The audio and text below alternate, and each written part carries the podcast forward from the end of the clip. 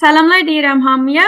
Urmu gölü məsələsini danışırıq və bu gün yanımızda dəyərli Bəhmən bəy Qədəmi vardı. Salamlar Bəhmən bəy, necəsiniz? Salam, çox sağ olun, var olasınız. Bəhmən bəy, sizin ə, araşdırmanız və təxəssüsünüz ə, üzərə sizdən ə, 30 il bundan qabaq dan bu qonu üstündə araşdırdığınız üçün Urmu gölünün o zamanlar ə, vəziyyətini soruşmaq istəyirəm ki, orada nə cür canlılar yaşayırdı, nə qədər su var idi? E, Valla əslində gölün qurumasından danışdığımızda e, və onun etkilərindən danışdığımızda bu anlama gəlməz ki, göl kəsinliklə quruyacaqdır. Mən o tip insanlardanam ki, mötəqidəm göl e, hətmən canlana bilər. Əgər ona lazım olan şərait yaransa, o imkan var və gölümüz hələ ölməyibdir. Mən e, birinci dəfə olaraq 1370-də o zaman e, əkinçilik danışçısıydum Danışqa Azad İslami Təbrizdə. Bir ustadımız var idi, Ayə Döhtür e, Kərimi rəhmətlik, xakkşinası ustad idi. Mən ilk dəfə ondan eşitdim ki, Urmiya gölünün quruma ehtimalı var və bu quruma təhdidi var. O bir zaman bunu mətrəh eləmişdi ki, o hələ 1370-dən 1375-ə qədər ki, e, Urmiya gölü lap oğlan çağı idi, lap suyunun lap çox olduğu zamanlar idi. Ona hələ 5 ildə zaman var idi. Hələ hər halda bizim gölümüzün o dövrdə durumu mən e, 1377-yə dayalı bu ədədləri deyəcəyəm. Gölümüzün 5000 e, kilometr mürəbbədən çox məsahəti var idi. 13 milyard metr mükəbdən çox suyu var idi. Asiyanın qərb məntəqəsinin lap böyük daimi gölü sayılardı. Dünyanın ikinci böyük şor gölüydü ki bu zaman e, şorluğu 250 gram litre idi. Duzu mizanı 250 gram litre idi və e, Dəryaçə 1346-da hifazət şudə məntəqə ünvanında səbt olmuşdu. Sonralar e, Ramsər konvansiyonunda beynəlmiləli talab ünvanında səbt oldu. 1355-də e, UNESCO tərəfindən 59 dənə zəxiri qahə zistkoreyki ərzişləri var idi. Onların içərisində Urmiya gölü də səbt oldu 102 cəzirəsi ilə bərabər və Park Milli ünvanında da yenə səbt oldu. E, bu zamanlar Urmiya dəryaçəsinin bu iki bu e, caygaha yetişdi və zəxirigah zistkora ünvanında səbt oldu. Onda e, e, Fone canibərisində fəqət quşlara mən işarə eləsəm 193 tür quş orada yaşayırdı. İndi e, Abzi, kənar Abzi ya elə sahildə yaşayan quşlar ünvanında 193 tür yaşırdı. Bu 193 tür quşun 12 türü orada e, yumurtada qoyurdular, cücələrini də böyüdürdülər və, və yəni kamil çərxələri var idi. E, bunların lap şaxislərindən mən e, flamingonu deyə bilərəm ki, flamingo məntəqədə zaten e, zadavərisi var idi. O məntəqədə cücələrini də böyüdürdü. Flamingoya ki, bu gün hamımız onu Urmiya e, gölünün sembolü kimi tanırıq. Ya ağ e, pelikanların ad apara bilərəm ki, çox ərzişli türdülər. Mütəəssifanə 1390-da, yəni 1360-dan 1390-a qədər 30 ilin ərzində mən dediyim quşların amarı 1360-a raci idi. 1360-da ki bu qəna var idi orada quşların mordində və heyvanların üst-üstə mordində. 1390-da bu 193 e, tür fəqət 30 ilin içində yendi 92 türə və artıq orada heç bir quş ə, e, zadavəri eləmirdi. Cücə qoymurdu, yumurta qoymurdu və cücə çıxartmırdı. Bu çox böyük ə, e, zayiə hesablana bilər. Ayrı tərəfdən oranın flora giyahisinə görə mən fəqət bunu deyim, bavucudi ki, Dəryaçənin Hoze Abxizi e, təqribən İranın 3 dərsət e, məsahətidir. Bununla belə orada hududən 15 dərsət e, giyah, bitkilərin türləri, qunahay giyahı orada yaşayır, var idilər. Yəni hududən 1500 e, tür orada bizim bitkimiz var idi. Urmiya dəryaçəsinin kolli bir e, ekolojik e, müşəxxəsatı idi o dövrdə ki, tərazi ekolojiki hələ yerində idi, orada yaşam idamə tapırdı və göl ə, e, təhdidi qabil müşahidə dəyir idi. Təşəkkür edirəm Bəhmən bəy. Siz danışanda bunların hamısı var idi, belə idi. Yəni keçmişdən danışırsınız.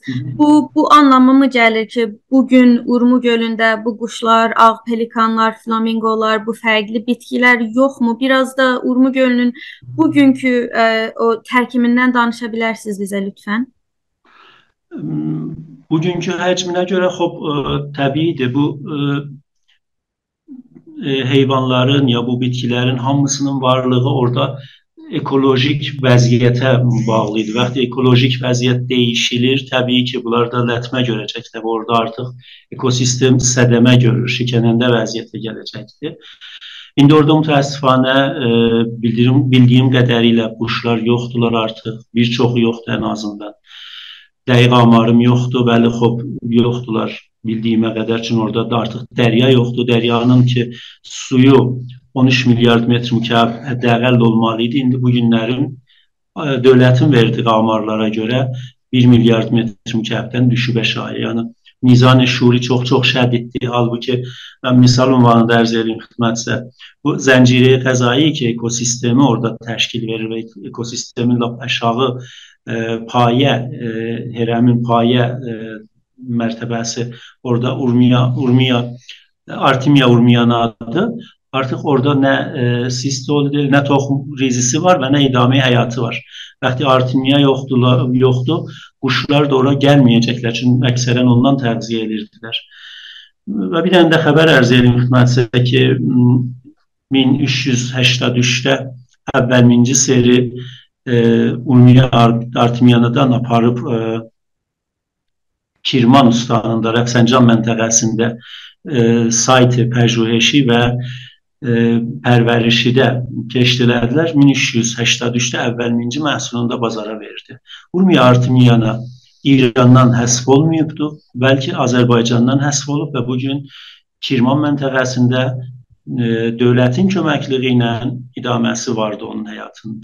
Olsun ki, bir seri e, xəbərlər var idi. Mən gedib bazlıq eləməmişəm özüm ki, Əcəbşir və Miyandaq məntəqəsində bəxşi xüsusi öz sərmayəsi ilə Urmiya Artemiyananı təksir edir. Urmiya Artemiya e, təğziyi abzilərdə çox ərzişli var və bir şey sənaye, məsələn, sənaye rəngrəzidə çox dəyərli bir varlıqdır. Yoxdular onlar. Bir çox yoxdur ən azından. Bəhmən bəy, bu ekosistemin dengesinin pozulması və orada yaşayan canlıların olmaması və özəlliklə sizin təxəssüsünüz əkinçilik olduğu üçün Urmu gölünün indi çox pis vəziyyətdə olmasının o ətraf mühitdə olacaq torpaq, hava və su və artıq orada əkinçilik mümkün olacaqmı, olmayacaqmı haqqında soruşmaq istəyirəm və bu bu etkilərinin orada yaşayan insanlar üzərində, onların həyatları üzərində nə cür ə, təsirləri olacaqdı sizcə? Hı -hı. E, təbii ki, insanların mədəniyyətləri su ilə bağlıdır və vaxtı su mənbələri orada sədəmə görür, o e, insani ictimalar da avtomatik istər-istəməz ondan etkilənəcəklər. Amma ondan qabaq ki, insani e, ictimalarda onun təsirini görək, biz mühit sistemimizdə görəcəyik. Mühit sistemi ki, e, istər torpağımız olsun ya canivərlər və bitkilər ki, orada yaşayırlar. Mən bir dənə sadə misal ərz edeyim xidmətinizə. Baxın, e, məntəqənin torpaqları şorlaşır. Əlbəttə bu torpaqların şorlaşması sırf bu məniyə deyir ki, orada duz gəlir və o məntəqənin torpaqlarını şorlaşdırır.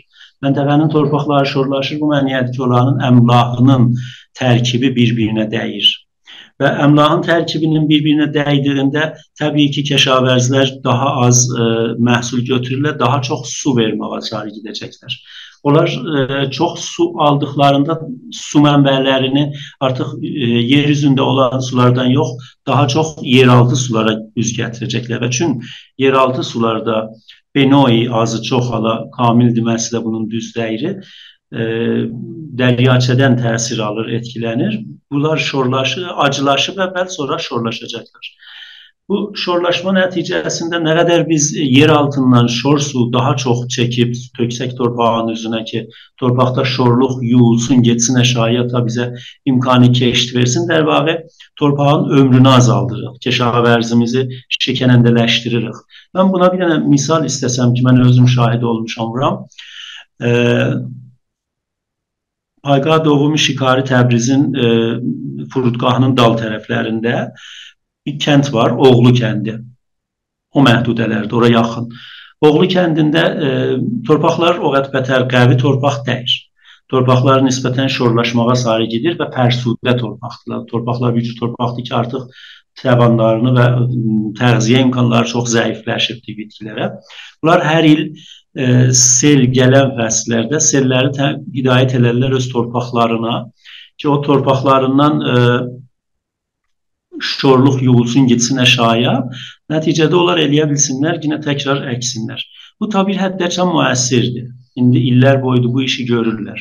Amma uzun müddətdə ki, mənabə su özü azalacaqdır. Azaldıqda bunlar o yumaq imkanı olmayacaq və yuduqları su e, artıq özü şorlaşmış suya sarı gedir. Yəni acılaşır və şorlaşmağa gedir. Nəticədə bunlar nə qədər su yer altından çox çəkib yer üzünə gətirsələr, iyi belə daha çox batlağın içində batacaqlar və daha çox torpaqlarını şorlaşdırmağa tərəf itələyəcəklər.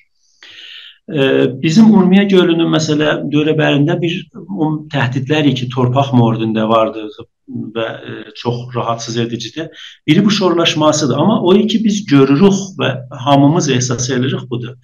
Mütəəssifanə e, ikinci məsələ ki, orada faciə yaradır və biz e, BİSE sudcular da bundan oranın duzunu bəstəbəndi edib satırlar. E, bedünün ki millətin xəbəri olsun. Ora həsabi ki vardı şəhərlərin hesablarını kamil təsfiyə olmadan bəzən buraxılır ora. Nəticə nə olur? Nəticə olur ki, ağır metallar, fəlzat sənginin mizanı o ə, məntəqədə çoxalır istər-istəməz və çünki e, artıq göl quruyubdu. O metallar duzun üzündə və duzla tərkib olur və o e, intiqal tapır, gəlir çərxəyə də və hesablı ki, bəstəbəndi duzlar ki, Urmiya duz ünvanında satılır. Onlar da xoraki ünvanında yeyiləndə insanlara müntəqil olur. Ayrı tərəfdən e, bir dənə də məsələ ki vardı. Bitkilərin olmaması, bitkilərin yavaş-yavaş məntəqənin puşişi giyahisinin fəqirləşməsinin nəticəsində ehtimal fərsayiş çoxalır e, fərsayişin ehtimalı çoxaldıqca bizim e, toz torpağın e, qalxmasının ehtimalı çoxalır və çün məntəqə həm aludədir, filizatı sənginə, həm duzu çox-çox şədid, e, çox-çoxdur mizanı. Nəticədə o e, toz torpaq ki olur, bunun ehtimali aludə olmağı çox-çoxdur. Və dalısıca necə ki eşidirsiniz, e, sərətandır, göz noxoşluqlardır, pusti noxoşluqlardır. Bunlar hamısı o məntəqədə getdikcə çoxalır və çoxalmaqdadır da. Bir də e, bu bitkilərin azalması ki, torpaqların şorlaşması nəticəsində olur, e, müşkilik yaradır, suyun nüfuz pəzirisini azaldır. Vaxtı suyun nüfuz pəzirisi torpağın içərisində azalır, ehtimali sel çoxalır. Vaxtı suyun nüfuz pəzirisi azalır, yeraltı sufrələrimiz təğziyə eləyə bilmədiyimizə görə O birisi tərəfdən də yeraltı sulardan biz həddəksər istifadəni elədiyimizə görə məcburdur Kəşavərs bu işi görsün. E, nəticədə yer altında o məsirlər ki, suyun varıdır, təhdid olur. Necə təhdid olur? Hamımız eşidirik. E, Əcəbşehir dəştində bunu çox-çox görülür. E, torpaq oturur. Torpağın oturması, oturması o su məsirlərinin dərvağı həmişəlik bağlanması. Yəni e, o cərəyanlar ki, yeraltı cərəyanlar ki, dəryaçəni təğziyə edirdilər və məntəqənin kəşavərzisinin poştvanəsi idilər, artıq öz məsirlərini itirirlər. Bu, bu rahatlıqda tərmim olacaq bir cərəyan dəyir və bəzən bərgəşnapəzir bir sədəmədir ki, dəyir. Bizim bir dənə də müşkillərimizdən ki, orada vardı. Baxın, Dəryaçə ünvanı bir dənə oranın dəmasını mütadil eləyən, yəni e, amil kimi əməl elirdi. Qışda e, donmurdu mizanı şuri və dəmasının həcmi, suyun həcminin çoxluğuna görə, suyun cərəyanının varlığına görə qışda donmurdu və istini saxlırdı özünə. E, yayda da o özü təbxir olmağı ilə benoy enerji hərarətini alırdı istər-istəməz bir dənə mütəadil yaranmışdı dəmai baxımından. İndi o dəryaçənin həsr olmasından bir e, o məntəqədən e, rütubətli e, buludların ya hava tudələrinin gəlməsi çox çətinləşəcəkdir, azalacaqdır. Hətta bəzən pişminlik edirlər e, Şərqi Azərbaycanda məxsusən. Hala bu yavaş-yavaş qərbə də, Qərbi Azərbaycanda, Kürdistana da şamil olacaq və əvvəl mərhələdə Şərqi Azərbaycanda e, illik yağışların mizanı 40 mm-dən azalacaq. Yəni hududən beşdə biri azalacaqdır. Bu bunlar hamısı müşkül yaradacaqdır bizim kəşavərzimizə və o qunələr ki, o giyahlar, o canavərlər ki, o şəraitlə adaptə edilər, onların idamə həyatı çətinləşəcəkdir. Bir də məsələ ki vardı, mən ə, çox arzulardım burada mətrəh edəyəm, o da budur ki, ə, indi bizim dəryaçəmiz qurur. Dəryaçə quruduqdan sonra o günəşin şölələri ki, gəlir e, və dəyir bura, albedo pədidəsi nəticəsində daha çox inikas tapır. Vaxtı inikas tapır, istər-istəməz bu da bir amil olacaqdır. E, havanın qızışmasında, yəni bir ayrı mənfi amil daha da oradan gələcəkdir, suyun həsfi ilə. E, yəni tülküsü buna demək istəyirəm ki, O şərait 2360-da heyvanlarımıza var idi. O amar ki, amar e, heyvanlara, giyahlarımıza, bitkilərimizə verilirdi. Artıq onların heç biri ya yoxdular, ya da e, olmaqları çox çətin olub. Ekosistem məntəqə dəyişilməkdədir. Mütəadil bir məntəqədən biabani məntəqəyə dəyişilməkdədir. Biabani şur və təqribən layəm, layəm zər belə əkilməz. Çox təşəkkür edirəm Bəhmən bəy bütün bu bilgiləri və ə, Urmu gölünün keçmişini, bugünü və gələcəyini bizimlə paylaşdığınız üçün. Sağ olun. Var olasınız. Umarım inşallah tezliklə dəryaçəmiz, gölümüz e, dirilər və tərazi ekolojikinə qeytər, tərazi ekolojikinə qeytərilsə bizim heyvanlarımız da idami həyat verəcəklər, bitkilərimiz də və insanlarımız da. Ümid edirəm. Sağ olun.